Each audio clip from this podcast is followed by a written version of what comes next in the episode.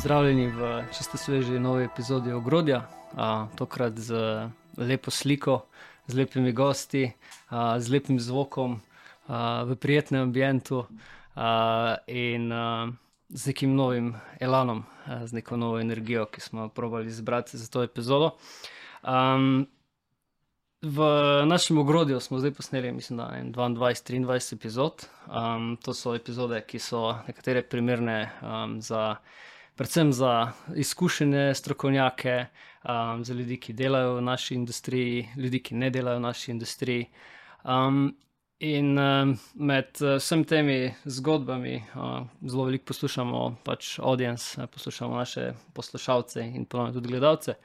In uh, smo se začeli uh, spraševati, um, kako bi lahko naredili v bistvu ogrodje še bolj dostopno naslednji generaciji razvijalcev, um, začetnikov, um, juniorjev um, in ljudi, ki pač poskušajo vstopiti v to industrijo, ker uh, so ugotovili, da je zanimiva um, intelektualno in pač ker je tudi mogoče donosna.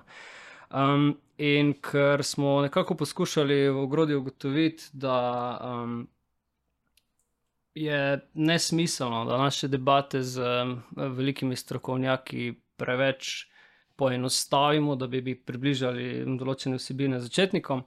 Um, smo se odločili, da bomo namesto tega naredili neko novo serijo epizod, ki bo, bo pa zelo beginner-friendly.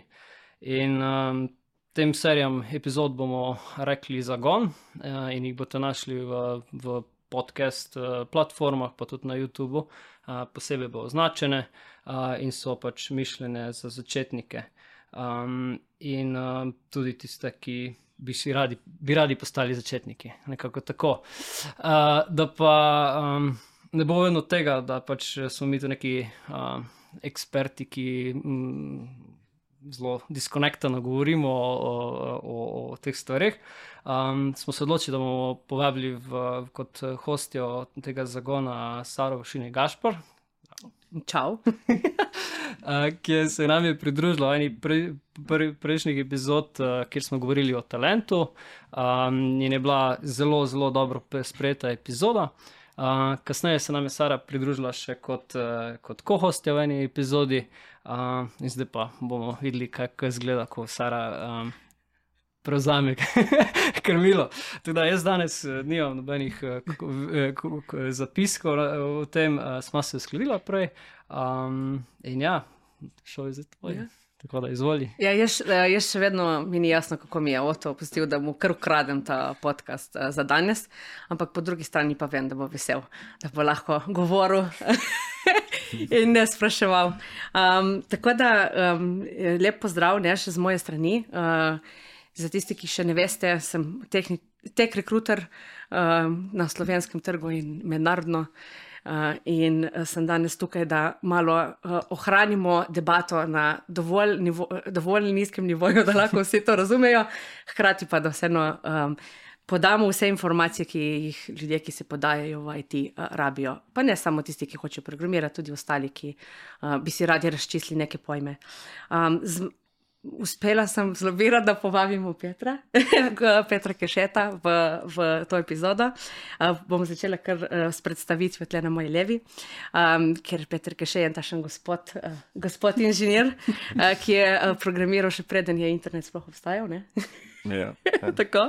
Uh, in um, je hekal uh, superkomputerje v Avstraliji že v 90-ih, potem je um, vodil slovensko uh, um, nacionalno ekipo na Olimpijado za informatiko pet let. Uh, dosti časa uh, tudi delal na inštitutu Jožefa Štefana in veliko stvari povezanih z videom. Um, Pa potem videa, ki smo danes tudi tukaj, tako da tudi prostor uh, ti je poznan. Um, kar se pa tiče steka, pa verjetno se da skozi že vse, kar se da da skozi. Ne? Ma ne, jaz mislim, da tako, še cel kup stvari še ni prišlo, na marsikaj še treba narediti. Ne. Tako, ok. Uh, to je uh, Peter na eni strani, uh, trenutno pa zaposlen kot lead data scientist na podjetju HTTP. Tako je. Uh, nasproti mene pa uh, dr. Mateuš Pesek. Uh, tisti, ki hodijo na fri, ga poznajo. tisti, ki ne, ga boste zdaj spoznali. Je docent in uh, je doktor in docent na FRIU, na fakulteti za računalništvo in informatiko, in ima svoj laboratorij za računalniško grafiko in multimedije. Um, sem član tega laboratorija. Član, ja. Tako. Ker um, študirate uh, oziroma raziskujete.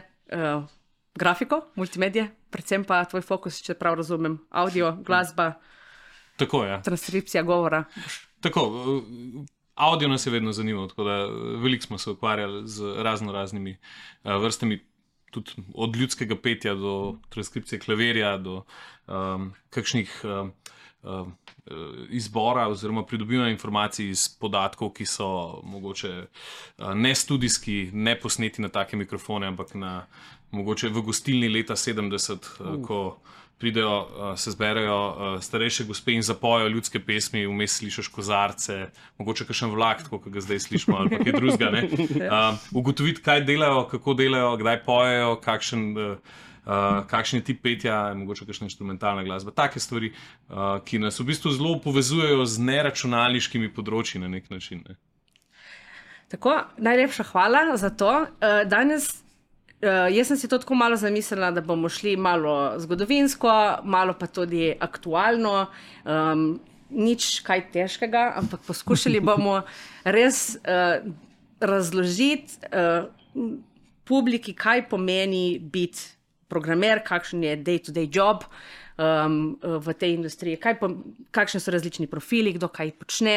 Um, zato, ker vidim, da je uh, zelo veliko nerazumevanja, eh, kje se sploh zadev lotiti in kje začeti. Tako da, če bomo začeli čisto na začetku ne, z, z nekimi um, definicijami, če mogoče najprej razčistimo, kdo je IT-jevec, kdo je programer, kdo je inženir, a so kakšne razlike med tem in kakšne so te razlike. Boš ti začel, Peter? Yes. Um, hm. Zanimivo vprašanje. Ja. Jaz bi rekel, da vsi ti ljudje imajo nekaj skupnega in to, je, to so vsi ti profili ne, ljudi. Um, in to je pravzaprav ta neko računalniško analitično razmišljanje. Ne? Um, oziroma analitično, lahko pogosto je pravzaprav tudi zelo sintetično. Um, um, se pravi, ja. IT-jevec je kdorkoli pač v tej računalniški industriji. Programeri, mislim, da ni treba prav hudo razlagati, tudi si verjetno predstavljajo ne, iz kakšnih filmov, ne, kako so tam neke enakoda rola in tako naprej. Um, Uniska pucam. Um, um, kaj so li potem inženir?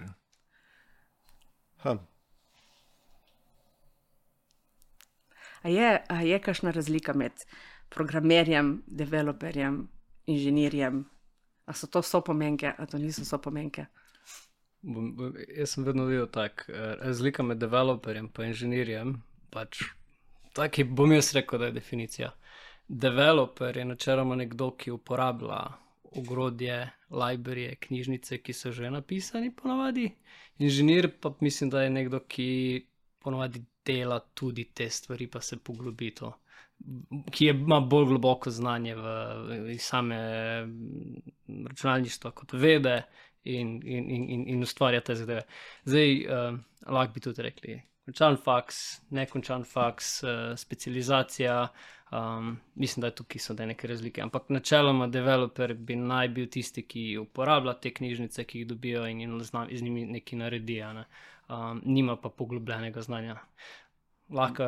Ja, mogoče meni se zdi, da je tako lišna analogija, recimo glasba. Ne? Eno to, da ne, znaš igrati inštrument, malo več je to, da znaš note brati, ne ki pa druga je pa v bistvu to, da lahko v bistvu tudi pišeš glasbo. Um, mogoče recimo. Ja, verjetno ne. Um, jaz si tudi inženir, tako kot to bolj predstavljam v kontekstu tega, da um, je to človek, kateremu lahko zaupaš, da bo našel rešitev za tvoj problem, čeprav v tistem trenutku, ko se pogovarjata, nihče od vaju nima blage veze, kako rešiti ta problem. Ne. Ampak na podlagi vseh teh preteklih izkušenj, poglobljenega znanja, nekako prideš do rešitve, ki je zadovoljiva. Ne, um, ne ustaviš se pri tem, da na Stack Overflow ni odgovora na to. Pa. Mogoče moramo pa zamenjati library, pa vzeti pač drugega, ker tam pa vidim, da je nek, nek rezultat, ki bi ga lahko uporabil, ampak bolj v kontekstu tega, da se da priti do rešitve, ki je lahko relativno optimalna v danem kontekstu. No. Ampak eh, kje je pa potem razlika med senior developerjem in senior inženirjem? Um, včasih smo se hecali, ne, da je razlika med, uh, med inženirjem na faksu in študentom ne, na Friju, ne, oziroma med asistentom in študentom, to, da je asistent že zgooglal vse, kar se je zgooglal dal. Um, mogoče v tem kontekstu. Um, ja, um, zdaj, če gledamo te oglase, recimo tudi na, na tvoji skupini, ne, um, na Facebooku.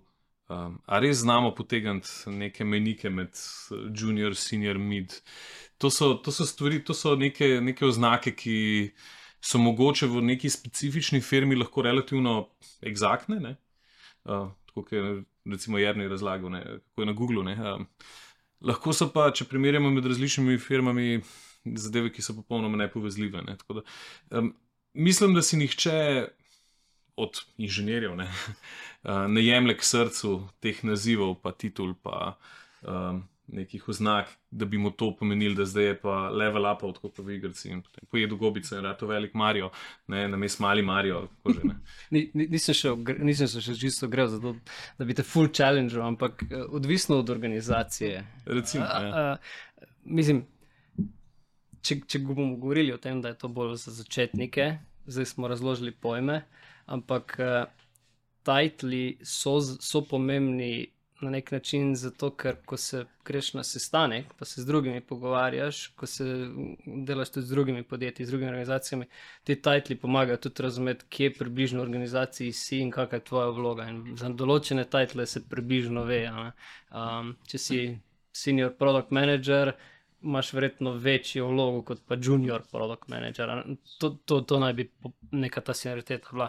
Je pa spet odvisno od industrije, velikosti in tako naprej. Ja, malo so neprim, iz prakse so malo neprimerljivi, kot si rekel. Ne? Pač je zelo odvisno od konteksta, od same firme, kako znotraj padeš uh, med. Uh, Senior je pa res lahko marsikaj. Ampak, če mogoče stopimo vseeno še en korak nazaj. Zdaj se pogovarjamo o ljudeh, ki pišejo kodo. Uh mhm. -huh. Inženirji, developerji programirajo, pišejo kodo. Na drugi strani uh, nekdo, ki popravlja printerje in troubleshoot Zoom v nekem velikem podjetju, je tudi IT-jevec. Ne vem, jaz ne maram, ne, ne maram tega, vsi ste IT-jevci. Okay. Zakaj? Ker ja. veš, v zadnjih parih letih se je zgodilo to, da je tehnologija pojedla podjetja jih je transformiralo. Ok, eni vejo to, nekatere firme vejo to, nekatere firme tega ne vejo, to je spet druga debata. Um, ampak, a veš, popravljati printer ali pa upeljevati neke digitalne procese v podjetje ali pa ne vem, nek, eh, to so drugi ljudje, druge in popolnoma druge stvari in ne moreš več reči sam IT. Um, Se pa veliko prekriva to. Ja, v, v, sploh tudi v velikih firmah, ki niso ja primarno tehnološko usmerjene. Ne? Je to lahko isti človek, ja. ki poskuša upeljati procese, pa hkrati mora pač še kar tu še zamenjati. Ja. Um, ker ni ta digitalizacija, oziroma ta digitalna ja. transformacija, o kateri zdaj v zadnjih dveh letih strašno veliko govorimo, ja. je spet ena stvar, ki je lahko relativno mrtva in na papirju. Uh, zato, ker niti nimamo dovolj kadra v vseh teh podjetjih. Um, kar se spremenja, konec koncev, če pogledamo 20 let nazaj, 30 let nazaj ali pa zdaj, ne? te zadeve se zelo hitro spremenjajo. Ne? Ti še vedno danes lahko si študiraš, oziroma greš na srednjo šolo, pa si vzdrževalec informacijske strojne opreme in si tudi lahko vzdrževalec informacijske programske opreme. Mhm. Kljub, ne, sta, kljub vsemu, če Eh, če se strinjate, vseeno malo različna svetova. Ja, kdaj se pokrivajo, ampak se mi zdi, da dosti krat se pokrivajo tudi, ker smo le toliko uh, stari, pa digitalno pismeni, pa kaj malo več znamo. Ampak nekdo, ki danes začenja in je star 15 let, se lahko usmeri ali v strojno opremo in v IT, ali pa v dejansko pisanje kode, ali, ali ne. Jaz, jaz bi rekel, da je vem, tako, da Moja izkušnja je bila tako, ko smo včasih rekli, tisti ježek ne gre v gost, pa, pa se ne, se mu na, na, na budice prpne, jabolko pa hruška, pa kaj takega. ne. Um, in verjetno je v bistvu en del ne, tega, tega IT sveta, ne, to, da, da nekako uh, s časoma se ne vzameš vsega pomal, ne. Se pa lahko specializiraš za nekaj, oziroma nečem se vidiš boljš. Ne.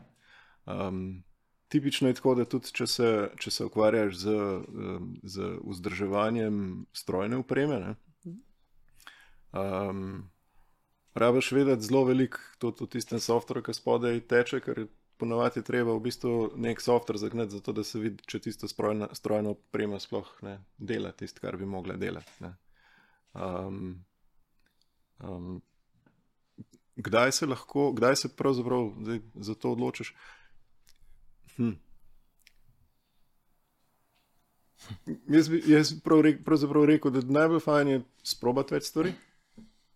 Um, pa potem, včasih je tudi v bistvu tako malo enega takega naključnega momenta, ne prideš v neko okolje. Ne, ke, ne, mogoče si sicer nadarjen za nekaj tretjega, ampak pravzaprav prideš v eno okolje, ki, ki, ki ti, ki ti ponudi neko, recimo, recimo ne, nek uh, uh, hardverski izziv. Ne, um, pa ti to fajn, pa se potem v bistvu s tem ukvarjaš. Ne. Je, je pa, um, jaz ne bi rekel, da je nekaj boljš ali slabš od druga. Ne, tako, jaz- Meni se zdi v bistvu vse, vse full fajn.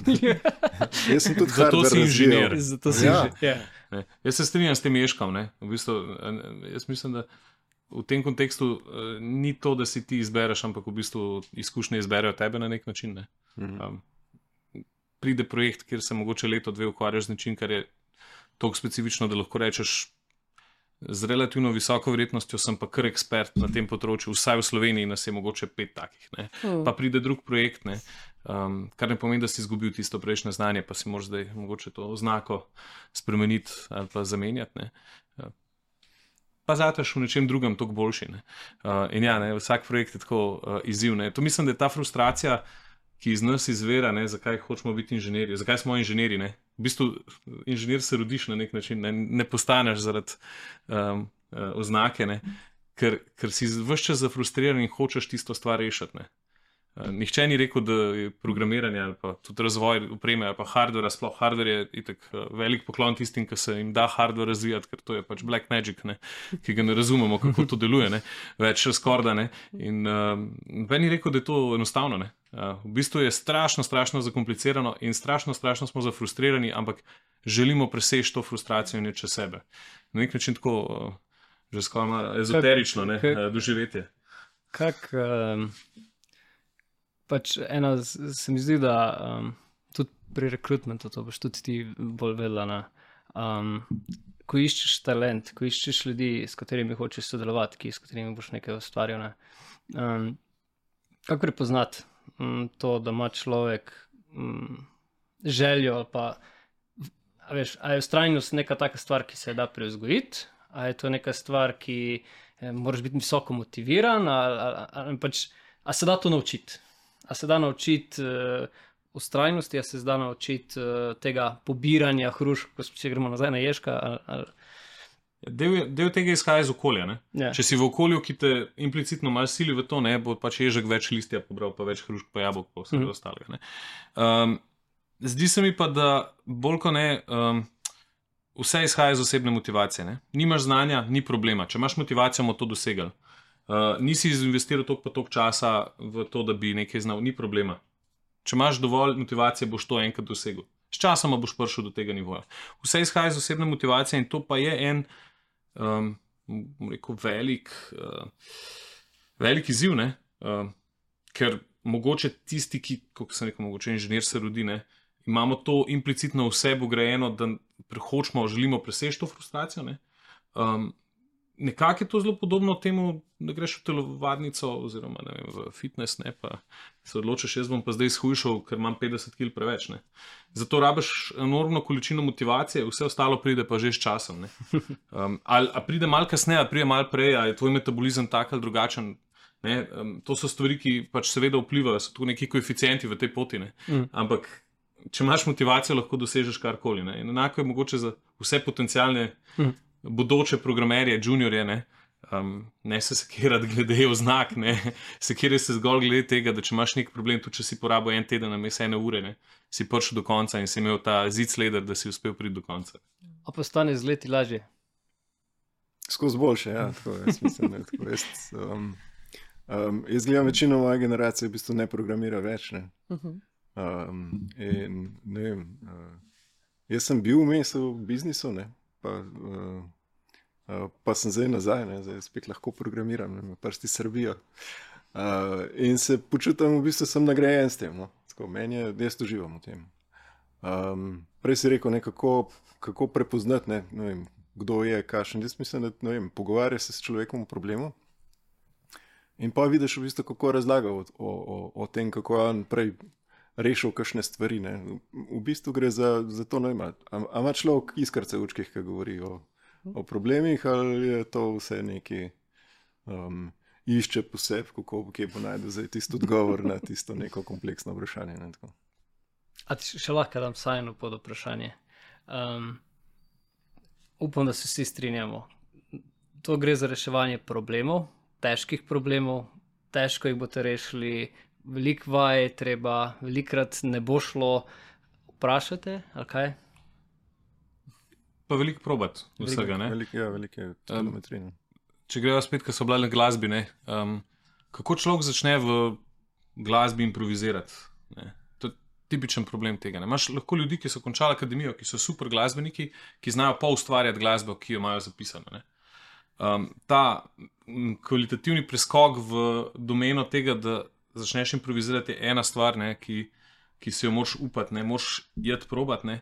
Po drugi strani je pa kakovost te improvizacije relativno vezana na količino izkušenj in vsega, kar si za sabo potegnil skozi skoz eh, čas. Mm. Uh, in je v bistvu odseva to, vedno odseva nek, nek influence ne, nekih preteklih glasbenikov, oziroma v tem primeru nekih preteklih projektov, kjer si se že naučil en kup stvari na nekih napakah in zdaj popravljaš ne, v naslednjem projektu.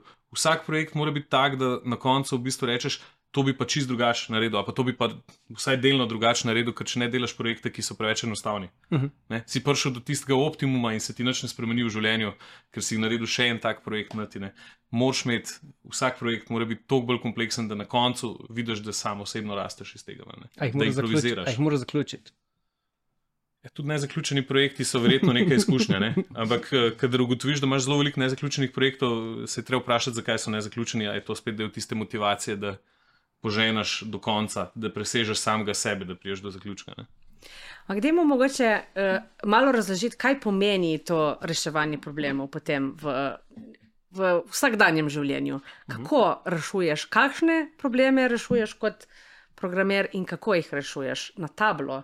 Um, na, kako, pač, kako z, kje ga dobiš problem in kako ga potem uh, rešiš? Kako izgleda vsak dan ta, ta fight, I guess? problemi. Um, ja, kje dobiš problem? Problem imaš dovolj ne, v življenju, takih in drugačnih.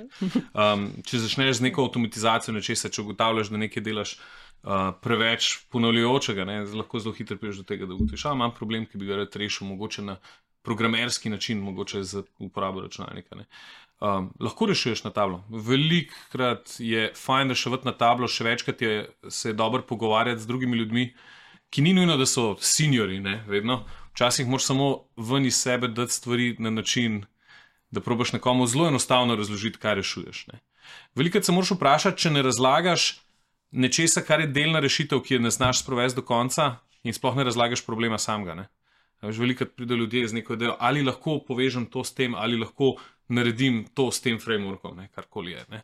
Uh, potem v bistvu ugotoviš, da njihov problem je čist nekaj tretjega. Ne? Uh, oni razlagajo neko delno rešitev. Ne? Vedno moš ta korak nazaj narediti in table je super, zato ker ta korak tudi v fizični obliki narediš nazaj. Ne? Nekaj časa nazaj sem od nekih eh, študentov, oziroma ja, dijakov, dijakov dobil vprašanje, zakaj moramo mm, na papir programirati, zakaj moramo pisati kodo na papir.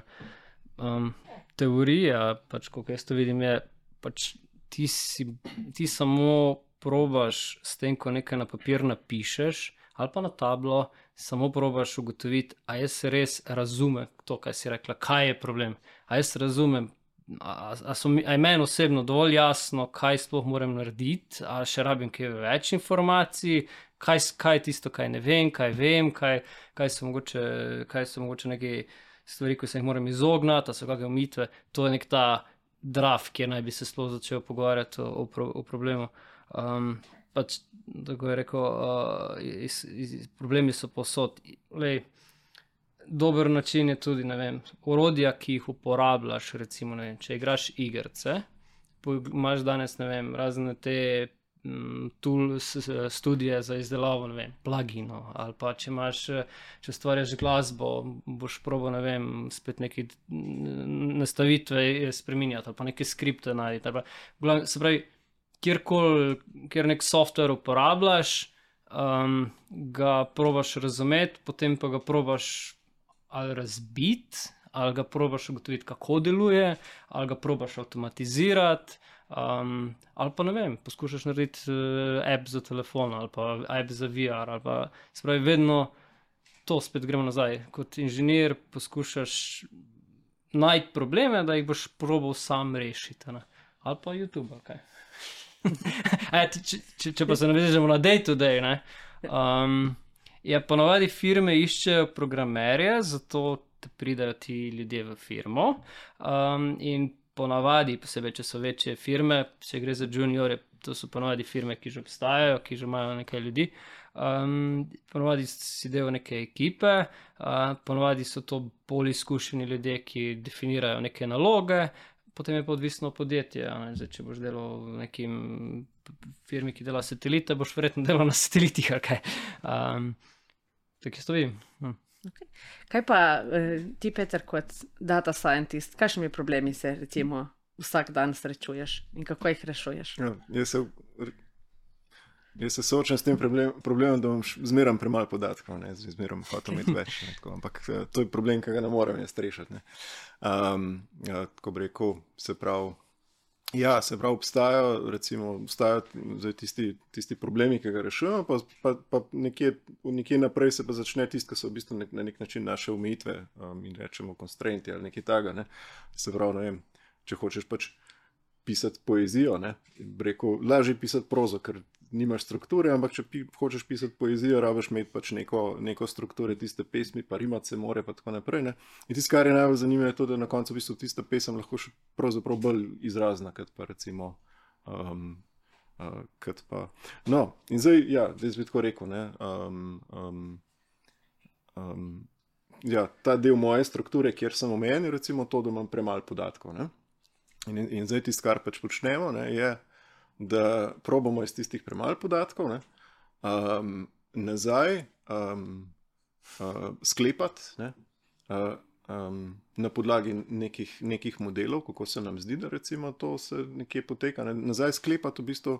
Kakšen je bil tisti proces, ki je v bistvu teh, teh, teh premalo podatkov, oziroma te podatke, ki jih imamo, v bistvu zgeneriral? Kaj je najbolj verjetno, da se tam noter dogaja, ne? zato da potem lahko recimo delamo neke poslovne odločitve. Ne? Nek denar prikladamo z nekih računov na neke račune, ne? tako na koncu. Ok. Um, ja, ne, eh, super. Uh, ta potem povezava z neproblemskim resničnim življenjem, kako, kaj je potem rezultat ne, eh, takega dela. Ampak mogoče, če uh, zdaj gremo še malo bolj nazaj v zgodovino, bom se še, še vedno pri tebi ustavila. Uh -huh. Kdo so bili uh, prvi programerji, kako so programirali, pa tudi potem, če navežeš, tudi ti, recimo, kako si začel. Uh, Verjamem, da nisi začel na Windows 95. uh, kako, kako je izgledal ta, ta začetek, kakšno kodo se je takrat pisalo uh, in uh, ja, kako, kako se je to takrat počelo? Ja, um, um, jaz sem se prvič nekako soočil s temi osebnimi računalniki, oziroma ne, še niso bili niti osebni, te hišni so bili, ne, komodori pa spektrumi. Ne. In, in moja zgodba je bila to, da ne vem, tam nekje okoli 83, 84 so kolegi začeli dobivati te spektrume. Ne. In potem so tiste igrice igrali. Jaz sem tiste ne dvakrat videl ne, in mi je bilo tako, kao, malo brez veze, se mi zdel. Ne. Um, sem me doma še vprašal, ne, pa tebe pa to ne zanima, pa sem rekel, "No, ne vem, kar nekaj je. tako. Um, na kar je moja mama je bila v Iskri v neki statistiki ali nekaj takega, neko računovodstvo so delali.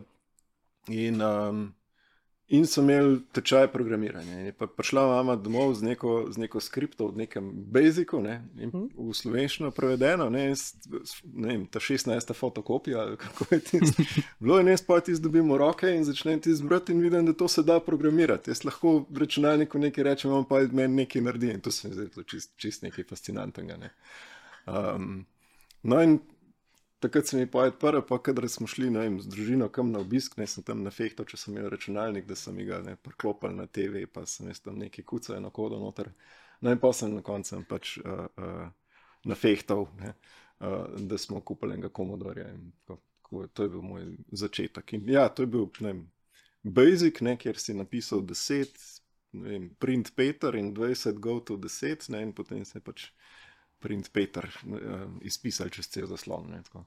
Um, um, uh, ja, no, to nekje so bili začetki, potem je bilo pa nekje v, v 8. razredu, se pravi, to bi bil recimo, sem takrat v 3. 4. razredu. Smo pa na šoli imeli, dobili ta prvo uh, učilnico s partnerji ne, in tam se potem v bistvu pa spoznal Pascal. In potem sem bil na Pascalu in še dolga, dolga leta. Partnerji niso uh, so, so imena računalnikov. Ne? To je treba povedati za mlajše poslušalce. Partnerji, ja, ja, ja, Niso to partnerji v kontekstu česa drugega. tako, tako. Kaj pa ti, Oto? Uh, um, jaz sem, ne vem, prvi računalnik, ki sem ga dobil, valjda sem mlajši, uh, je bil uh, neka 286, uh, imel je. Um, Niti ni imel črno-belega ekrana, imel oranžno-bele, oranžno črno. Herkules grafika. Ja, ja, ja to, to je bilo moj prvi, prvi kontakt. In najprej pač neke, še, ne morem reči, da so bile dosti igrice, neki, pač neki game sem igral, vem, da je to bil moj prvi experience. Um, potem pa malo kasneje pa sem delal eh, z tem Pascalom. Um, Borland, Turu, Pascal, ja, on že kima, ko ve, zakaj se gre. Uh, s tem sem delal. Um, dejansko so nas v srednji šoli s tem učili, predtem sem pa um, veliko delal, pač, uh, takrat je internet prišel, pa sem delal pač, eh, čisto prve page z Internet Explorer 4, recimo je takrat bil pač browser, uh, pa HTML sem se začel učiti iz nekih monitorjev, uh, kaj so bile te neke revije, um, tako da s tem. Men, jaz sem v bistvu pač cela moja kariera gre okrog weba. Pač, uh, bolj ko se web raz, razvijal, bolj sem jaz to platformo razumel, več sem delal z njo, bolj jo razumem in vse, kar, kar je na webu. ne. Um, zelo na začetku kariere sem tudi veliko delal s Flashom. To je tudi nekaj, kar ne vem, če bo vi od ljudi danes spoznali. Um, Ampak to je neko orodje bilo, kjer si imel, um, pač tako pri video editorju, si imel spodaj timeline, se pravi časovnico, in si potem lahko um, animacije delal in si rekel, v tej točki naj bo ta kvadratek tukaj, ko bo pa čas prišel na, na tok, pa naj bo tukaj. In je on znal vmes premakniti to in si lahko delal take animacije. Um, in je bilo vizualno, in sem lahko neke animacije delal in to. Um, potem pa je bilo ful zanimivo, ker lahko si pa kliknil in potem se ti je odprl editor in si tam lahko kodo noter pisal. ne. Um, to pa mi je pol, se ful odprl svet, da zdaj pa lahko nekaj bolj pametnega narediš. uh, to pa paskalno, te dve stvari. Um, mali bil šok, ker ko sem prišel v srednjo šolo, sem pričakoval, da bomo delali ne vem, nekaj bolj modernega, ampak sem še bil v tistem starejšem učnem programu, ki je delal s tem paskalom in moram priznati, da sem imel kar. Uh, bolečina mi je bila tiste, uh, tist, tiste zdaj, zato ker sem tudi ne vem, že malo CA znal, pa smo mogli s tem Pascalom. Ampak algoritme v, v srednji šoli sem se učil z Borland Pascalom. Ja. Nice. Ker, gospod profesor, Ja, ja, prikimal. jaz sem še malo mlajši, jaz sem še malo mlajši, ampak imam uh, nekako tudi podedel sem to obsesijo s starimi računalniki, tako da zbiram stare računalnike, kar se izkaže, da je to zelo težko pojasniti, mogoče težje kot druge v svoji familiji. Ne? Zakaj izbiraš staro kramo? Ne? Ampak jaz sem začel tam s 386, um, ja, sivinski zaslon že, no? uh, Windows 3.11. Uh, Potem, kmalu naprej, že na Windowsu 95, pa 98, uh, začel sem programirati v drugem razredu v Logotu. To je mm. en tak, uh, recimo, temu programski jezik, kjer želvico premikaš po dvodimenzionalnem zaslonu in rišeš eh, različne stvari. Je, zdi se mi, da je to bila verjetno najboljša stvar na svetu z vidika tako prostorske predstavljivosti. Aha, Čeprav je fenomenalno enostavna. Um, logo se da zdaj dobiti uh, velike uh, spletnih strani, ki omogočajo v bistvu nek web interpreter uh, za logo. Tako priporočam to. Jaz sem probil to na svojih otrocih. Uh, uh -huh. Ker doma lahko delaš poskuse brez etične yeah. komisije. In, in se izkaže, da je noro jih potegne to, noro jih potegne, ker rišajo ne, in potem ugotavljajo. Ker je, ker je ta vizualna komponenta ljudem ja. malo lajša vse skupaj. Ampak predstavljaj si ne petletnik razložiti, kaj je to 90-stopinski kot. Ne, ne rabiš mu razlagati, če sam poskusi ne, in ima to izkustvo, ko proba zvezdico narisati, pa kvadrat, zakaj enkrat ne gre želvo v tisto smer, ki hoče. Ne.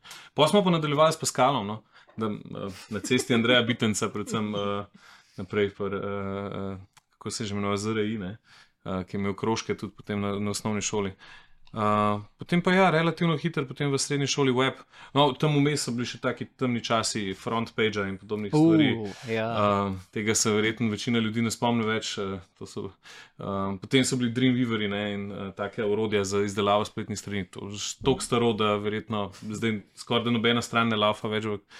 Mogoče no še kakšna, ki je ostala, kakšne velike korporacije. Um, in potem naprej, ja, um, relativno hitro smo pa tudi začeli z Androidom, tam okoli verzije, ne vem, 1.2, 1.5, 1.6, tiste, oh, wow. tiste, ki so bile. Um, s kolegom so pisali potem tutoriale, za, kako programirati, še Eclipse, pa, um, ki tudi zdaj ni med bolj priljubljenimi no, okolji za, ja. za izdelavo. Ja. Ampak eh, je bil, takrat je pa no, ponujal, takrat je bil, ja. Ponujal vse. Ja, ja. Okay. Uh, in to so bili. To so bili še taki preprosti časi, ko ni bilo treba pip install, pa na PMO install narediti na 150 paketih, zato da si Hello World naredil. No. Um, lepi, enostavni časi. No. Eh, sej uh, bomo, bomo prišli, ne? ampak recimo jaz sem najmlajša, ne potem tu, jaz sem začela z Windows 98, ne, oh, ne programirati, ker nisem programirala, ampak to je bil prvi Windows, ki sem ga jaz uporabljala. In takrat um, si, če si nekaj hotel narediti, um, dobil ali CD ali disketo tudi še, to se uh -huh. še mhm. spomnim, diskete, vem zakaj je safe uh, ikona disketa, ne? ali si pa pač kdaj tudi lahko pobral z interneta, je bilo dosti teže, ker si preko telefona telefona se povezal, mm. ampak če si hotel nekaj dobiti na svoj računalnik, si lahko to inštalirati in si imel potem na mizno aplikacijo. Mm. Kako, je, kako, kako je potekal razvoj takrat? Kdo je delal kaj pri neki na mizni aplikaciji? Je, zakaj so jo mogli tako zapakirati? Kakšna, kaj je razlika z neke namizne aplikacije, recimo z neko spletno aplikacijo, ki je potem drugi, drugi korak tako, razlog je bil zelo preprost. Ne. Takrat še ni bilo interneta. Če, če, potem pa že, ko se je pojavil, ne si pravi, da je zdaj interneta prišel neke modeme in po telefonu klicati in tako naprej. In, um, in zaradi tega si mogel imeti pač vse aplikacije na svojem računalniku. Ne. Na, na nek način je bilo to nekaj podobnega, kot recimo, ne vem, danes imaš telefon, ne, ne vem, Android. Če si predstavljaš, da bi imel recimo telefon brez tega data linka. Um, Um, in lahko uporabiš samo tiste igrice, ki jih imaš, oziroma igrice ali aplikacije, ki jih imaš uh, neposredno na telefonu. Ne. Um, mislim, da, da je recimo, tako, analogija recimo, z, z, z temi telefonskimi aplikacijami zdaj kar, kar dobra. No. In um, v čemu, kdo je, kdo je pisal te, spletne, te um, namizne aplikacije? So to, kako so bili razdeljeni inženirji in uh, v čemu so pisali? Uh, Uh, ja, verjetno z vidika tam Windows 98 je tudi bilo, ko sem jaz bil še na drugi razred osnovne šole. Ne, ne bi, bi znal jih točno povedati, ampak mogoče razlika je bila v tem, da um, to, kar tudi mogoče zdaj. Mlajše generacije so občutile skozi uh, igralne konzole. Ne? Razlika je bila v tem, da ko si to naredil, si dal zapisal na nek medij, poslal nekam, ne? je to bilo to. Ne? Ni bilo tega prostora, da se bo pa prišel naslednji update. Ne? In bomo že popravili tisto, kar smo pozabili, ali pa smo v petek jih uh, dali v produkcijo, pa nismo dobro preverili. Um, se mi zdi, da nivo tega, kar je šlo v produkcijo, je bil višji, ker je enostavno bila cena spremembe nečesa tacga. Bistveno više kot je zdaj, kjer pač lahko damo ven spletno aplikacijo, oziroma delamo ne, Move Fast and Break Things. Ne, in potem ugotovimo naslednji teden, da bo pa treba nekaj popraviti, pa se bomo že popravili, ker nam ni treba Um, deployment je simpel, CICD, alfa, vse je kul. Cool, um, takrat je bilo to precej, precej teže uh, z vidika povezljivosti, z vidika prenosa podatkov, z vidika medijev, ki so bili strašno počasni in precej manjši. Ne? Ljudje se ne zavedajo, da je ena disketa, ne 1,44 MB, to je eno, eno šestnestino slike iz iPhona, mogoče lahko shraniš gor, ne, recimo, ne, tu v kontekstu tega. Ne. In ta disketa je bila strašno počasna.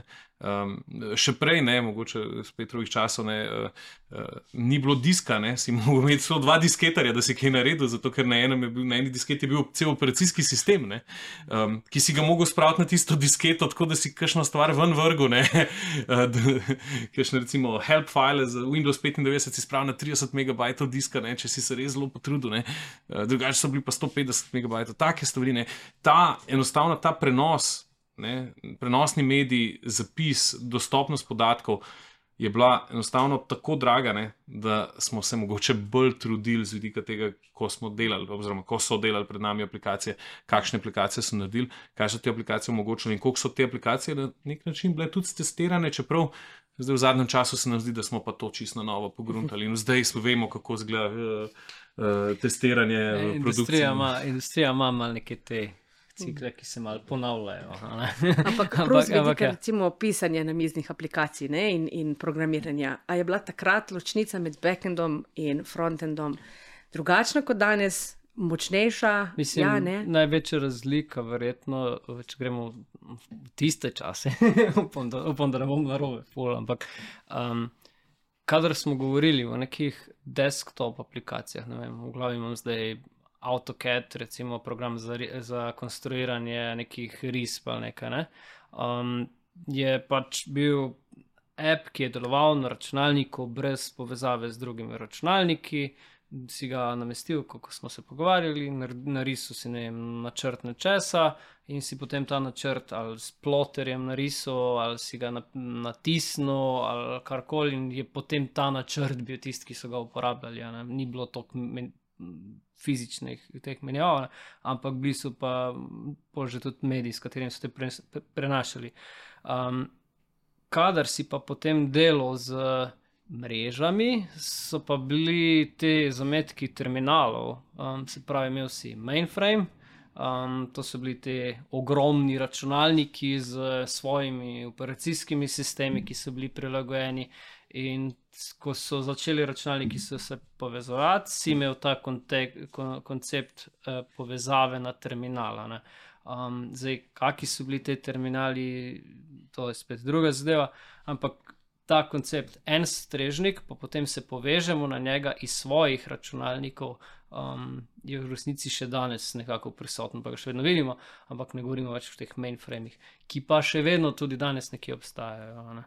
Um, teda to, te, ta dva softvera se mi zdi, da sta se vedno oblikovala. Ne? In veliko. Um, teorije, pa veliko teh nekih uh, izrazov še vedno iz tega uh, izhaja. Zdaj, če rečem terminal, obave je tako, terminal, ne? če rečem server, obave je tako, server. Spravi iz tega iz, te stvari izvirajo. Um, pač ja, v, v osnovi ta software je, je dober takrat, ko reši nek problem. In zdaj naš software, kakršen koli, bo pač dober, če bomo reševali te probleme. Zapakirani so pa v obliki teh programov oziroma v modernih dobi v sistemih, kjer programi bolj delujejo med sabo. Um, to je neka ta. Pa kaj je recimo takrat delal en backend inženir, um, kaj je delal frontend inženir, a je mogoče biti še kakšen drug inženir zraven? Boš ti odgovoril? No, Jaz bi rekel, ena, ena stvar, ki je včasih še malo drugačna, je to, da je bilo. Um, da so bili programi so bili manjši, ja. kot so zdaj. Tudi, vem, zdaj se dela vse z nekimi velikimi ekipami. Jaz se spomnim takrat, ko smo pisali te prve te ne, neke Windows desktop aplikacije, je bilo eno. Eno programsko okolje, zelo popularno, ki se imenuje Delphi. Mm, Naslednji oh. Paskala. ja, ja, tako to je v bistvu nekako. Paskalu so dali neke dodatke za neko objektno programiranje, potem so dali neke grafične umestnike delati v tem.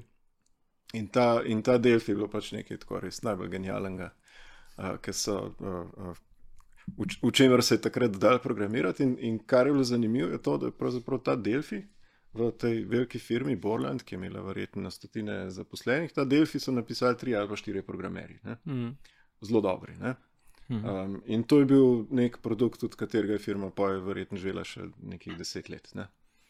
Um, ta gospod, ki je, ki je, mislim, da si ta Delfi izmislil, pa je šel uh, naprej delati v Microsoftu, pa je pa tam Mhm. napisal Dot C net. Sharp, pa TypeScript, pa, Ja. ja. pa tako naprej. Um, under, Anders, Ja. Heinsberg. Heis- Heisberg. Ja. Ja. Um, um, ampak zdaj to, kar, kar je v bistvu tukaj zanimivo, se pravi, vem, štiri ljudje so recimo to naredili, ne, verjetno so se sicer nekako razdelili ta del, ne, ampak več ali manj so pravzaprav vsi delali vse. Ne. Um, in tudi software, tipično so bili recimo včasih taki. V Sloveniji, v Sloveniji je bil tipično, ne, tipična softverska firma, je bil One Man Band, ki je pisal glavno knjigo. Um, uh, in, in ta človek je naredil vse od, ne, od, od te. Uh, uh, Od računovodstva do baze, do uporabniških umestnikov in tako naprej. Ve, Veliko, mogoče tudi uh, pri vsem tem softveru, imaš, posebej če je večji, imaš ljudi, ki so recimo vem, arhitekti in njihova naloga je, da recimo skrbijo, da vejo, kje so določene komponente, kako so povezane, kaj, kako bojo rasle, kako bojo se spreminjale. Potem pa tudi arhitekti nekako določijo, kako bo razsekana ta aplikacija. Veš. A, je, a bomo rabili enega backend developerja, bomo rabili frontend developerja, a bo to en, ki bo delal vse, um, in se potem na tak način raz, razsekajo stvari, um, odvisno od, od potreb, kaj se sploh dela. Ne? Ampak dogovor. Sej, ja. Če pogledamo recimo na Wikipediji, pa tudi recimo te velikonočne jajca v programih na iste regije, Windows 95, Windows 98, to niso bile tako strašno velike ekipe, ne, tako, Mm. Peter rekel, ne. Na koncu to ekipe, ki so relativno mehne, seveda par ljudi je bilo tistih, ki se je zavedali boljših ali slabših sposobnosti ostalih in so mogoče jih uspeli koordinirati. Ne. Ampak spet pridemo na te labele, ne, na koncu na te oznake. Jaz mislim, da takrat, ne, tudi če pogledamo opise teh ljudi izpred 30 let, nimajo tako lepih, vsemogočnih uh, Mm. uh, opisov samorogov in vsega ostalega, kar imamo zdaj. Za uh, vsakega, po drugi strani imamo pa zdaj, verjetno tudi pri Microsoftu, ekipo 500 ljudi, ki se ukvarja z search barom v start meniju, ne, um, kjer se pač takrat niso, zato ker se je pač John izbudil v torek zjutraj in rekel, tako bo, pa so šli naprej. Ne. Um, ne, mogoče malo karikiram, ampak definitivno veliko stvari je bilo postavljenih, verjetno bolj ad hoc, kot so zdaj. Po drugi strani se pa mogoče bomo v nekem trenutku spet, kot je rekel Oto, prej ne v teh ciklih vrnili k temu, da kakšne stvari niso tako pomembne, kot so druge. Ne. Ampak obstaja en takšen grd stereotip, da uh, bom, bomo prišli potem še na spletni razvoj, ampak uh, grd stereotip, da frontend je lahek, backend je težek, na frontendu si začel, ker si pač to si lahko dal, dal komorkoli delati, uh, backend je bil pa resni inženiring. Boš ti? Ja, lahko probam. Shots fired. Ne? Shots fired. Um, ne, jaz bi rekel, v tem kontekstu je tako. Um, prva stvar, ki je, je frontend, nekomu leži, nekomu pa neskončno ne leži. Jaz imam par kolegov, kjer lahko rečem, da so fenomenalni bekendaši, ampak na frontendu jih pa lahko gledam, kako trpijo. ne. Um, Mogoče je to bolj povezano s kakšno drugo lastnostjo, karakterno lastnostjo ali pa mogoče talentom za umetnost ne, ali pa um, vizualno komponiranje na nek način. Ne. Um, na frontendu mogoče začneš bolj zaradi tega, ker če polomiš stvari, so polomljene na način, da, ni, da ne vplivajo na celotno strukturo, lahko bi temu tako rekel. Ampak jaz še vedno mislim, da že v nekem trenutku, ko ne govorimo zdaj o ljudeh, ki imajo 30-letne izkušnje, se ta diferencijacija, kaj nekomu mogoče bolj paše, ne, kaj je, zakaj je bolj talentiran, se zelo hitro vidi. Ne. In ne bi te, temu rekel, da je frontend lažji ali pa težji. Eni imajo za frontend veliko večji talent, eni imajo za backend veliko večji talent. In, uh, vse skupaj treba kombinirati. Ne. Ne, bi rekel, ne bi pa diferenciral tega na način, da je pa backend težji, zato ker backend je lahko na koncu en Node.js. Uh, Uh, ki je zelo podoben na koncu nečemu, kar bi na frontendu lahko nekdo spacal skupaj in bi rekel, da to je pa v redu. Um, nisi treba nujno predstavljati nekih velikih arhitekturnih sistemov v, v vsakem trenutku. Ne, uh, ne, bi, ne bi delil tega na laže, pa teže z tega vidika. Mogoče na nekaj, kar ti bolj paše, pa nekaj, kar ti manj paše. Mm, Jaz sem vprašal um, Gorana, enega skupnega kolega. Ne? On je specialist za frontend in dela samo frontend in je res že leta dela samo to. Um, Nekako tako smo se pogovarjali, tak, um, pri frontendu so stvari zelo vizualne. In uh, ko ti tam nekaj narediš, zelo hitro ljudje vidijo, kaj si naredil, in zelo hitro tudi upravičiš svoj čas, lahko tudi ne, um, hitro nekaj narediš, pa pač vid, vizualno je, ne moreš, ne, ne moreš se skriti na nek Zavedaš način. se posledic. Ja, vidiš posledice. Um, in tudi, ko bo nek, neka večja funkcionalnost eh, v produktu šla ven, se bo to hitreje, boš ti tisti, ki bo na koncu rekel: le, dal sem zdaj piko na in je, in je zdaj pa končano. Um, in vse tisti backend v zadnji, pa veš, ne, ljudje ne vidijo tega, ne vejo, kaj je v zadnji. In je včasih tudi težje v ta upravičiti, kaj si ti tam v zadnji premiku gore, če, če, če, če, se, če ni vizualno. Ne. In nekateri uživajo v tem zalednem sistemu, tako kot je on rekel. Ne. Um, ampak ne. Frontend brez tega zadnjega dela ne obstaja, ne? in vice versa. Te stvari morajo, morajo biti povezane. In uh, če zadnji ne bo delal, lahko imaš ti spredaj le, lahko zelo lepo šminko, pa ne bo nič, nič, nič delalo. ne. Um, te, te stvari mor, moramo uh, vzeti v neki sinergiji, uh, obe stvari so plemenite. Um, v, predvsem v zadnjih letih, petih, desetih, se mi zdi, da so se še te specializacije ustvarile, da so te stvari bolj narazen. Se mi zdi, da včasih smo imeli mm, poklic web developer in je pomenilo, da si naredil vse. Um, danes je mogoče malo bolj te ločnice, ampak uh, začetnikom mislim, da je vsem dobro, da, da razumejo obe smeri, da razumeš, kaj je v zadnji, da razumeš, kaj je v spredi. Zato, ker ne boš mogel tudi komunicirati ne z ljudmi, ki delajo eno ali drugo, če ne boš razumel obeh strani, vse je v nekih osnovah. ne, tako da- Ampak izhaja mogoče to tudi malo iz tega, ker recimo, ne vem, če vzamemo nek tipičen uh, software za vem, 20 let nazaj, ne boš imaš neko, furaš to na neki javi zadaj, spredaj imaš pa HTML, CSS, pa JavaScript. a ne. Smo že recimo uh, delamo v, v, v tehnologijah. A izhaja to tudi iz tega, da um, si pač ti je kakšna tehnologija bliže, a si lahko zelo dober Java developer in hkrati tudi zelo dober JavaScript in HTML in CSS developer. Hkrati. Ja, Verjetno ne. Ampak še vedno bi rekel, da nekaj je pa tisto, kar je tvoja ljubezen, nekaj je tvoja strast, nekaj je pa tisto, kar si naredil za tega, da si prišel čez to frustracijo, da je projekt prišel do konca. ne. Ja. Z vidika backenda, na, kar je Oto hotel reči, ne, ta tak pregovor sistemske, sistemskega inženirja, Mm. uh, ko vse deluje, ne vemo, zakaj te plačujejo, ko pa kaj ne deluje, si pa itek ti kriv, ne, Mhm. ker ne deluje, pa bi mogel. ne. Um, backend je lahko z tega vidika mogoče bolj. Um, uh, tako zapakirane, bolj črkine. Ampak vseeno, uh, jaz še izhajam iz tistih časov, zdaj bom omenil en programski jezik, ki bo velika bolečina. Uh, mnogo katerim ne, uh, PHP, ne, ne. Um, iz tistih časov, ko smo ja, v PHP-ju pisali ne, ta del, ne, pa smo prišli do prvih MVC-jev, ne, uh, uh, kaj bi že Symfony, pa Cake PHP, pa, pa, pa Ja. Zend, pa tako naprej. Ne. Uh, ja, ne, pa smo pol v CSS-u nekaj naredili, ampak se nismo ukvarjali z dizajnom na tak način. Po drugi strani imamo pa v vseh poklicih, ne, se moramo zavedati, da nekaterim ene stvari bolj sedajo, drugim pa druge ne. In imamo zdaj fenomenalne dizajnerje, ki so zelo usmerjeni v tehnološki aspekt, v uh Mhm. -huh. web, v um, specifike tega. Imamo pa dizajnerje, ki bojo pa fenomenalno delali leaflete, pa pamflete, pa ne bojo nikoli se dotaknili weba. Ne? In če primerjaš oba outputa, ne boš rekel, en je zelo dober za nekaj in je super kot dizajner za.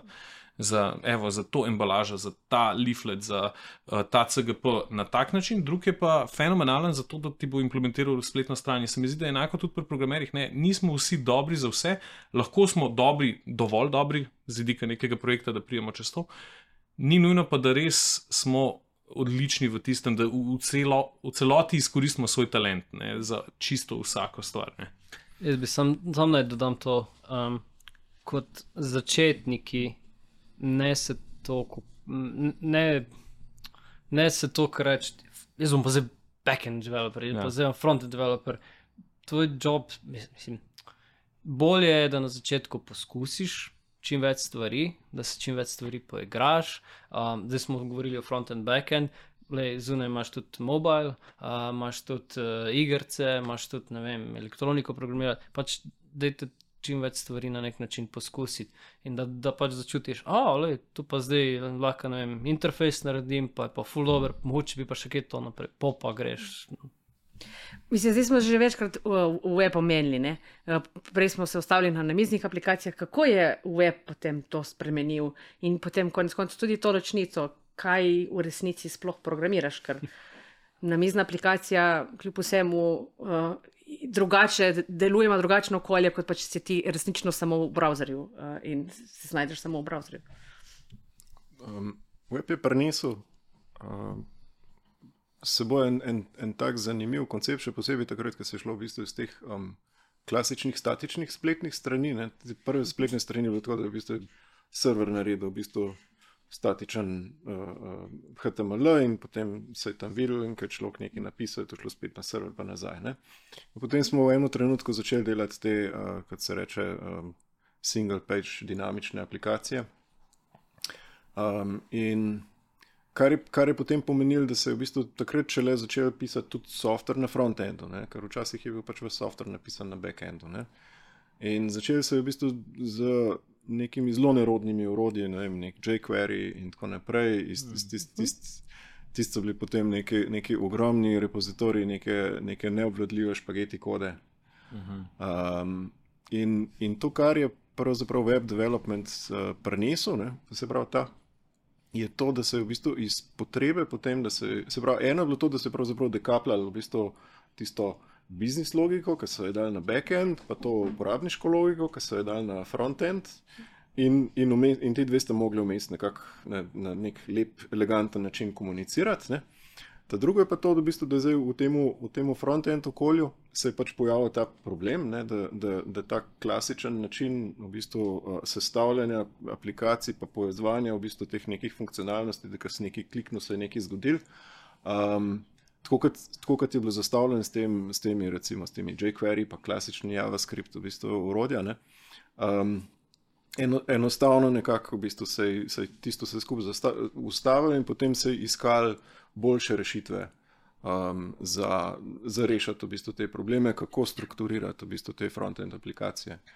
In, um, in rešitve, ki so se pojavile, ne, pa se še pojavljajo, se v bistvu smo še na neki poti, ne, um, um, so bile zelo krasne in, in, in, in ta način razmišljanja se je potem v bistvu tudi rekel, je tudi potem frontend bil mal tist, pa jaz mislim, da pravzaprav po svoje kar še je. Ne?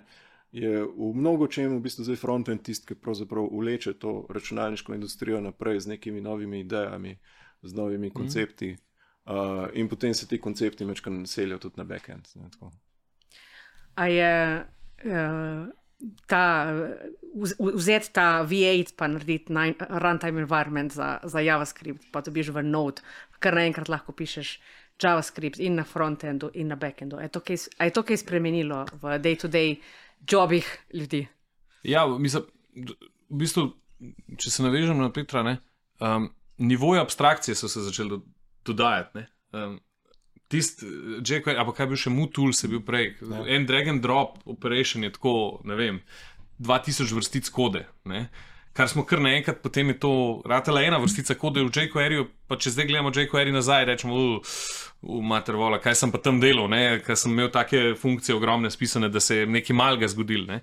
Te nivoje abstrakcije so se začeli dodajati in po eni strani ne ta strah, v bistvu, kako zdaj v vse to zagrist, je problematičen. Ne? Jaz sem vaje pri enem predmetu, ne operacijski sistemi in vedno rečem, da na 99% vprašanj pri tem predmetu je odgovor because legacy. Ne? Zakaj rečemo terminalu terminal, ne? zakaj uporabljamo tipkovnico tako kot je in tako naprej. Ne? Vsaka stvar, ki se jo dotaknemo, um, mi smo zdaj že tako stari, ne, da tako vemo, zakaj je to tako. Ne?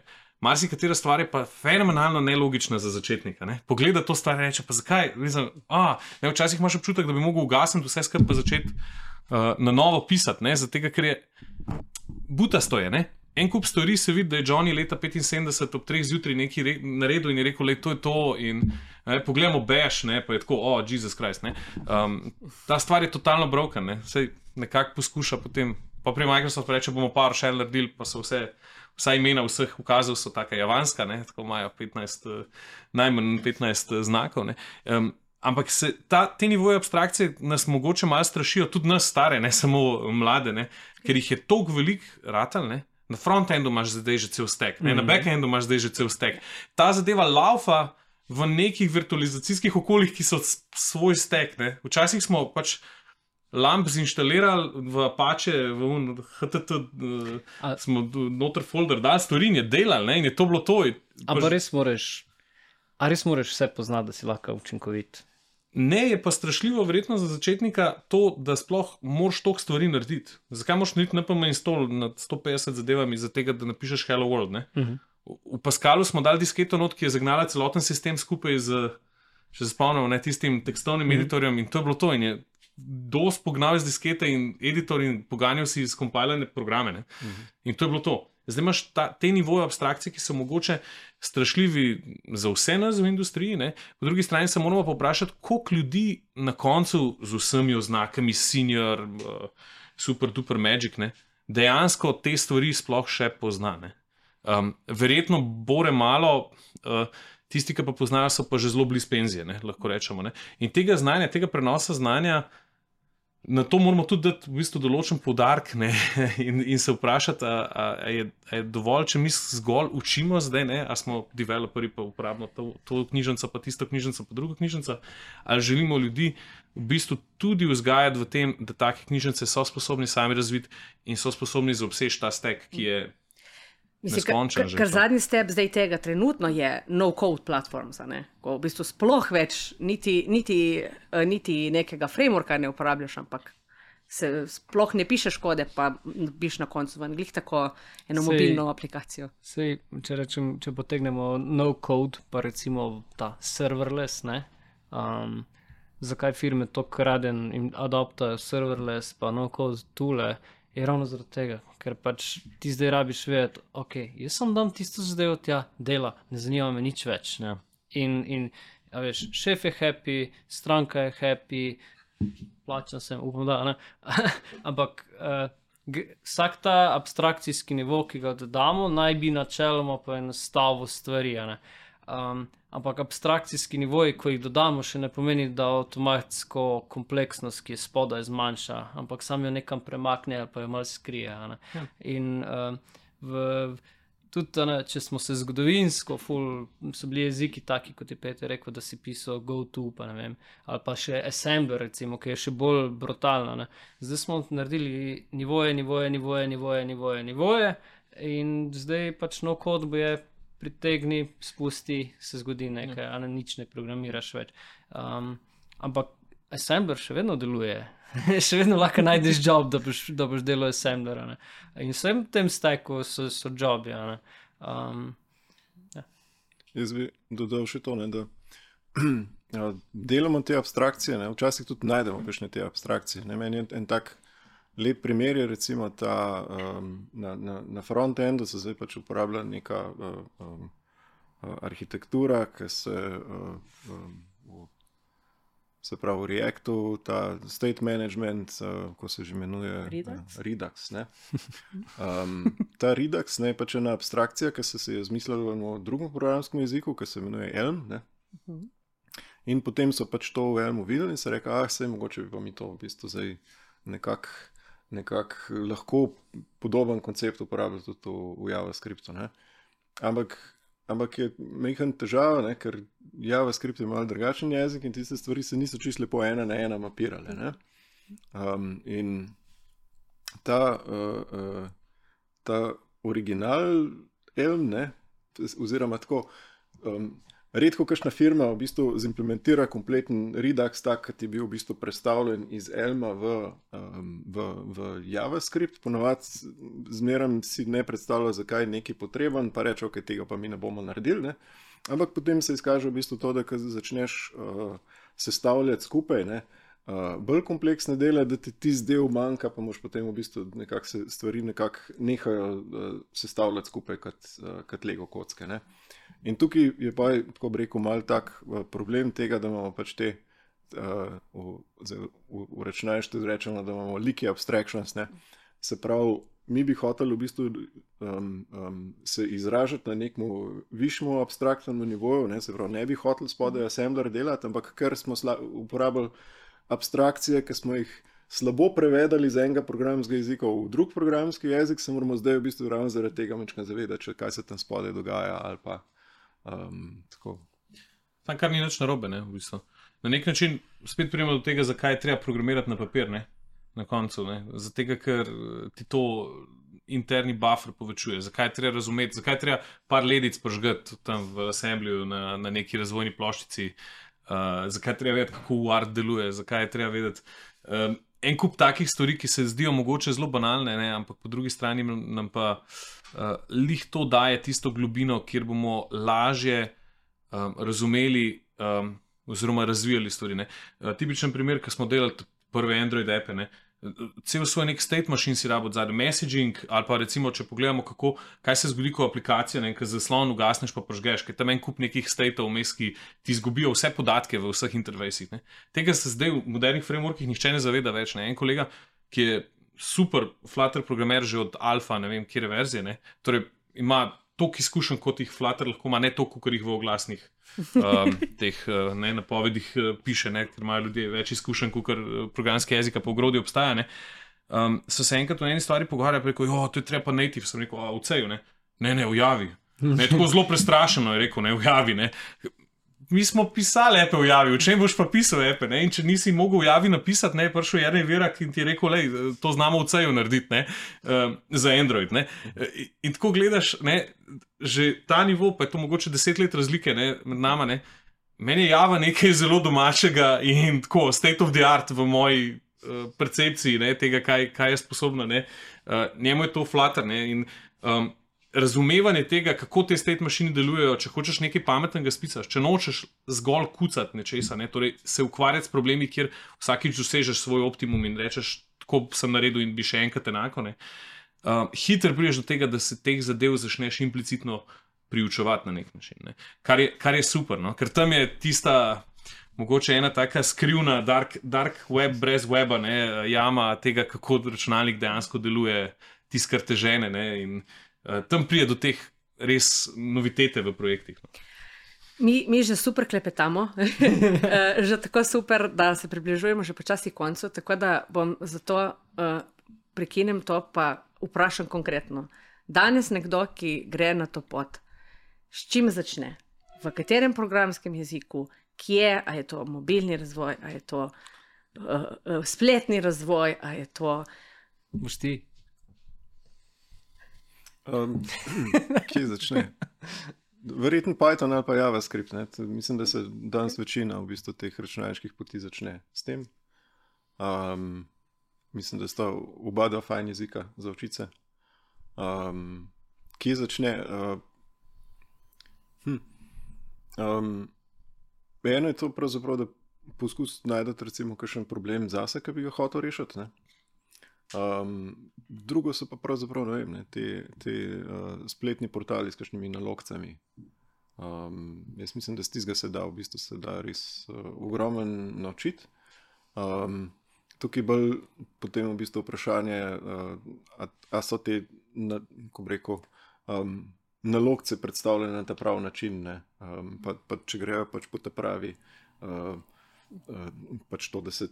Po, težavnosti v bistvu stopnjujejo, ker včasih v bistvu, vem, začneš v bistvu, vem, rešiš dve naloge, pa, pa te tretja, pa tako. V bistvu, ka, um, um, moja nečakinja se je zdaj zadnje leto učila računalništvo isto z Pythonom, ne, in potem je ona rekla, dve, tri sem rešila, pa, pa zdaj pa ta četrta, pa sem jaz izgledal.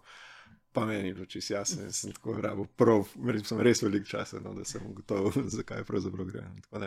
Um, ja. Kje začnete vi na, na fakulteti, Mateš? Um, na univerzitetnem programu mislim, da začnemo z Javo, pa s CEM. Um, na VSŠ začnemo z Javo, pa s Pythonom. Um, vedno je debata, ali rabim znati ali ne. ne. Um, vse Java ima reference, kar je basically pointer na pointer, ne? tako da pač je dobro vedeti, kaj je to pointer. Um, ne bi jih rekel za vsakega začetnika, začni najprej s CEM. Uh, lahko pa rečem, da to, kar je recimo ravno Peter omenil, ne. Um, pridite na free. Ne? Zakaj? Zato, ker kar vam lahko da fakulteta, pa vam ne more dati vse znanje, ki ga imamo zdaj instantno dostopnega uh, v, na mobilni napravi pa na računalniku, je to, da imaš tam ljudi, katere lahko na zelo neumen način vprašaš, nekaj mi ne dela, ne rabim biti ekspert, ne rabim vedeti, kaj pogooglati, ne rabim vedeti, kater tutorial najti na internetu, zato da to razumem. Ampak imaš tam ljudi, ki se bodo ukvarjali s tem, da bodo tebi to razložili na način, ki bo tebi primerno hiter. Um, Free ima to lepoto, da napram drugim fakultetam, mi smo relativno odprti, tudi hiša, ne? tako kot jo imamo, ne odprta. Lahko priješ v kjerkoli laboratorij in rečeš, hej, imaš čas za kavo. Ni, ni, ni nobene. Um, Zadrege, ne, da je pa to zdaj nekdo, ki ima pa doktorat, ali pa ni doktorata, ali pa je profesor, ali kakorkoli. Do vsakega lahko stopiš in rečeš, hej, jaz imam en problem, mi ga pomagaš rešiti. In tam spet prijemo na to, ne, kaj je ta pravi inženir. Ne. Tam dobiš ljudi, ki te bojo pol, tako ob polnoči klicali, hej, rešil sem to, tudi če je ta problem zelo kompleksen in, in, in v tem je lepota. Uh, Ampak, če, te malo, če te malo izovem, ja. zakaj grem rajši na free, kot pa recimo na matematiko ali pa na fiziko? Konec koncev, jaz vsak dan vidim ljudi, ki pridejo iz različnih uh, naravoslovnih fakultet v, v programiranje. Ja, to je dobro vprašanje z tega vidika bi rekel, da mogoče prve dva letnika vseh naravoslovno-tehničnih fakultet bi lahko bila relativno enaka. Um, razlika je v tem, v aplikabilnosti tega. Um, verjetno na matematiki in fiziki se bo študent ukvarjal z drugačnimi problemi kot pri nas. Mi bomo šli bolj v aplikacijo za specifično področje, pa za specifične probleme uh, kot tam. Tam bo pa recimo ta teoretičen del verjetno močnejši. Uh, Um, jaz se ne bi omejil na to, mislim, da vse naše tehnične fakultete so, pa tudi naravoslovne, ne, so na relativno visokem nivoju in um, povsod lahko najdeš ljudi, um, kjer lahko stopiš do njih, rečeš, da greva na kavo, jaz bi rad ti razložil nek problem, oziroma bi rad povedal nek problem, ki ga ne znam niti razložiti dobro, pa mi pomaga. In to je lepota faksa. Ne. V zdajšnjem času, ne, ko smo ugotovili, da vse lahko sicer delamo online, gledaš predavanja online in to je to. Ne, um, je tisti oseben kontakt je edina stvar, kar ti lahko fakulteta da, mm. česar ti vse znanje ne more. Jaz ne morem narediti tako dobrega predavanja, kot ga je nekdo na kurseri naredil, ker je tri mesece delal zgolj eno predavanje. Uh, kar ti pa lahko da, je pa to, da priješ do mene. Delava skupaj na nekih problemih, delava skupaj na kompleksnih uh, taskih, ki si, si jih sam zastavil, in ti jaz lahko pomagam in te vodim skozi to. In to je edina dodana vrednost v bistvu faksa, napram temu, da imaš vse ostale stvari na internetu, en na sto, en na tisoč je morda tak, da se lahko usede in zaobseže tisto vse znanje skozi YouTube in reče: ja, zdaj pa jaz ne rabim faksa. Ne. Večina nas, navadnih smrtnikov, ne, pa nekako rabimo koga, ki je že dolgo kakšno napako skozi, pa nam bo lahko olajšal našo pot v tem razvoju. No. Mhm. Zato. Uf, čisto ste tako dobro zasnovali. Da, um, Se bom, kdaj se boš upisal? ne, dobro si predal. Tudi srednje šole so me za tiste, ki še morajo najprej srednjo šolo narediti. Teda, isto jim lahko poveš. Um, jaz bi rekel tako, da večina ljudi, ki dela v tej industriji, pa res imajo radi tehnologijo, radi govorijo o teh tehnologijah, radi, po, radi pomagajo. V večini primerov ti bodo želeli pomagati, ne se bat vprašati. Vem, da je težko vprašati, vem, da je včasih nerodno vprašati, vem, da moraš včasih uh, iti iz cone svojega obdobja, da kaj vprašaš, ampak uh, ljudje vam bodo pomagali, tako da rečem, osebno. Um, zdaj svet je tako povezan, da imaš res kup nekih komunitijev za karkoli. Uh, ja, res, mogoče so neke angliščina, pa se mogoče angliščino pametno naučiti, ampak tudi v Sloveniji imaš komunitije, imaš Python meetup, imaš uh, um, vem, ARM meetup, imaš uh, JavaScript meetup. Glavne, imaš te dogodke, kjer lahko greš se združiti z ljudmi, ki mogoče že to znajo in to je super način, da, da, da, da to. Um, glede same tehnologije, pa tako. Um, poskusite čim več različnih, um, potem rečete, eno se bom dobro naučil, katero koli, uh, da greste vse enkrat čez en jezik od začetka do konca. A je to, ne vem, Java, a je to, ne vem, C, enkrat končajte tisto knjigo do konca, zato da boste usvojili neke stvari. In potem, ko greš menjevati jezike, um, se včasih moraš naučiti samo razliko ali, ali pa samo neke specifike. Uh, in veliko teh osnovnih algoritmov je prenosljivih, veliko znanja je prenosljivega. Ko si izmišljujemo, ko smo pregovorili o abstrakcijah, veliko abstrakcij je prenosljivih. In, in, in enkrat moraš iti čez to, da, um, da, da greš od knjige od začetka do konca, to bi priporočil, um, pa veliko side projektov veliko side ja. projektov. Uh, kaj so side projekti? lahko goste vprašamo. ja, oziroma, če si lahko, da vidiš zadnje vprašanje. Uh, bo, ja? Ne, Lahko? mislim, da če ne 15 minut, če mislim. A, da. Zadnji, zelo tam zape. Super, ker, ker, bo, lepo da. nadaljevanje tega. Kaj, bi si, kaj si ti želiš, Peter, da nek junior prinese s tabo, ko pride v tvojo ekipo? Kaj bi on, že, kaj bi on ona bi že mogli znati, kaj jih tem lahko se Um, nauči? Ja, jaz, hm. Moja ekipa je nekaj specifična, ker mi delamo data science. Ne? In data science je ena taka narodna mislim, zadeva. Ne? Tako, mislim, tako, zdaj ta, uh, um, ta medijski prostor ne? nekako uh, prodaja ta data science kot nek the next big thing in tako naprej. In vsi si zdaj želijo biti data scientisti, a v resnici je zato, da si dober data scientist, rabiš zelo dobro programirati. Rabaš biti zelo dober v matematiki, še posebej v statistiki, tistega, česar v bistvu tipično noben v matematiki ne mara. Ne?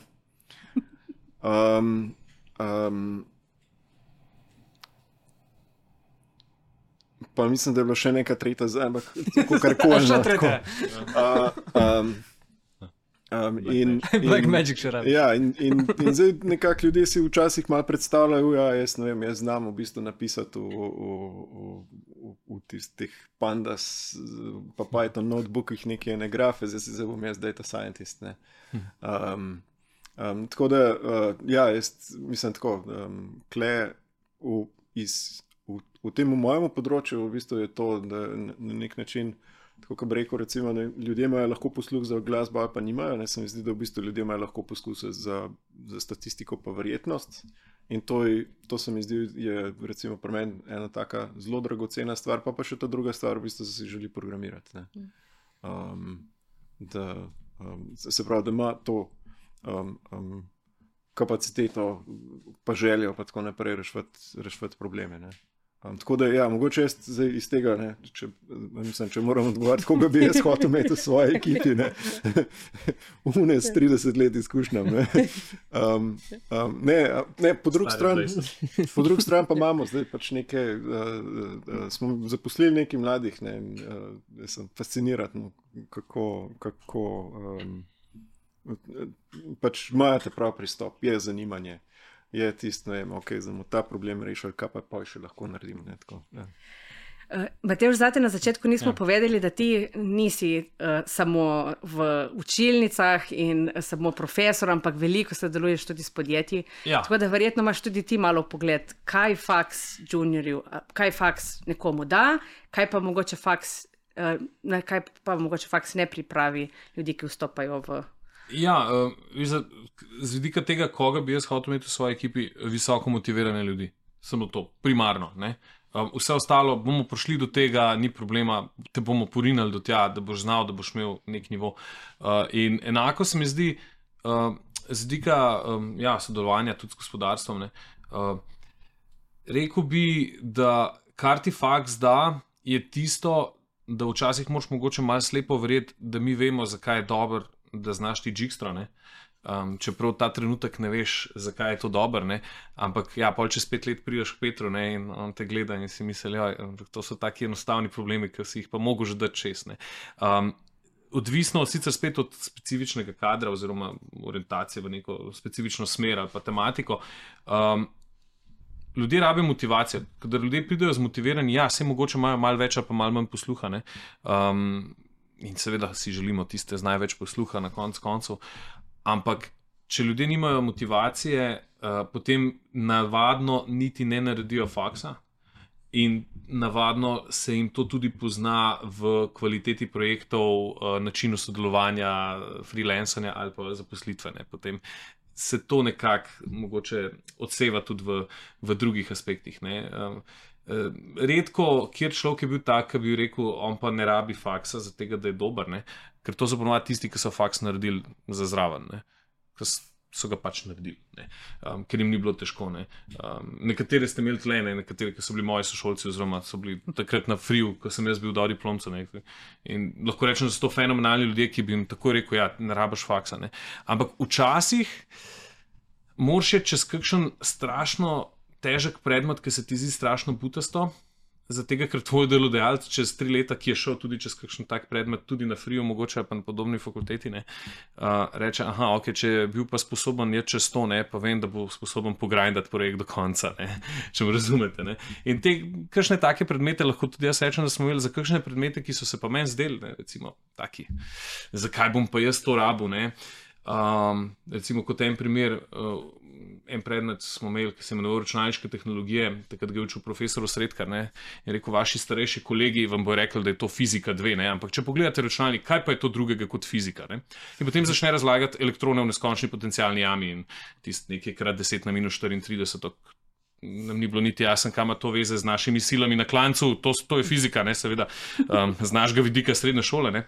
No, 10-15 let kasneje delamo s kemiki v bistvu avtomatsko elucidacijo organskih spojin, ne, kjer basically uh, delamo to, da jim probamo avtomatizirati uh, razumevanje spektrov na različnih spektrov, ki imajo svoje napake, ki imajo um, uh, ki so mogoče malo zmazani, ki ni, ni, ni vse vidno, in tako naprej. Ne? In v bistvu vse tisto znanje iz tistega predmeta poskušamo uporabiti, ne?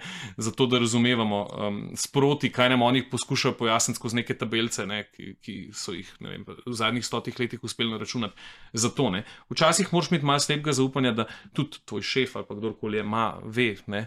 da je nekaj dobro zate, čeprav se te ta trenutek ne zdi to tako pomembno, zato ker čez pet let ne bo pa tista verjetnost in statistika strašno pomembna za tvoje razumevanje um, naših problemov na naši uh, firmi, recimo. Ne. Ne, dolgo. Ne, ne, ne, ne, ne, ne, cool. uh, jaz, uh, jaz imam vedno odgovor. Pač, um, najbolj vreden sodelavec, najbolj vreden zaposlen, najbolj vreden kolega, s katerim delo, so tisti ljudje, ki jim je mar. in to, in to uh, vse se lahko pogovarjamo v tehnologiji, pa vse, ampak kaj pomeni to, da je mar. Se pravi, če je nekdo, ki si rekel, motiviran ali pa. Uh, ja, um, se pravi, da bo našel to energijo, da bo se naučil tisto, kar še ne zna, da ko bo tako, če gremo čist na začetku našega pogovora, da ko bo prišel do problema, da ne bo upal, da bo pač eh, grindal, da se bo naučil, da bo raziskal, da bo pogledal, da bo razstavil, da bo vem, razstrelil karkoli. se pravi, to, se pravi ta želja. Um, to se da nekako prizgojiti, eh, pa vse, ampak. Uh, To je, to je tisto, kar na koncu rabiš. Um, če hočeš, pa Dobro, imaš različne e, ekipe, ampak to je meni osebno, jaz sem vedno iskal to, ker če imaš malo ekipe, e, je to še toliko bolj pomembno. Ne? Ta neka motivacija um, in to pač poskušaš ugotoviti skozi, lahko tudi skozi CV, skozi reference, skozi uh, izkušnje, skozi pet projekt, karkoli, ampak jaz vedno sem to iskal. A je ta neka interes, a je ta neka želja, a, a ne, ker taki ljudje se bodo naučili. A, In to je.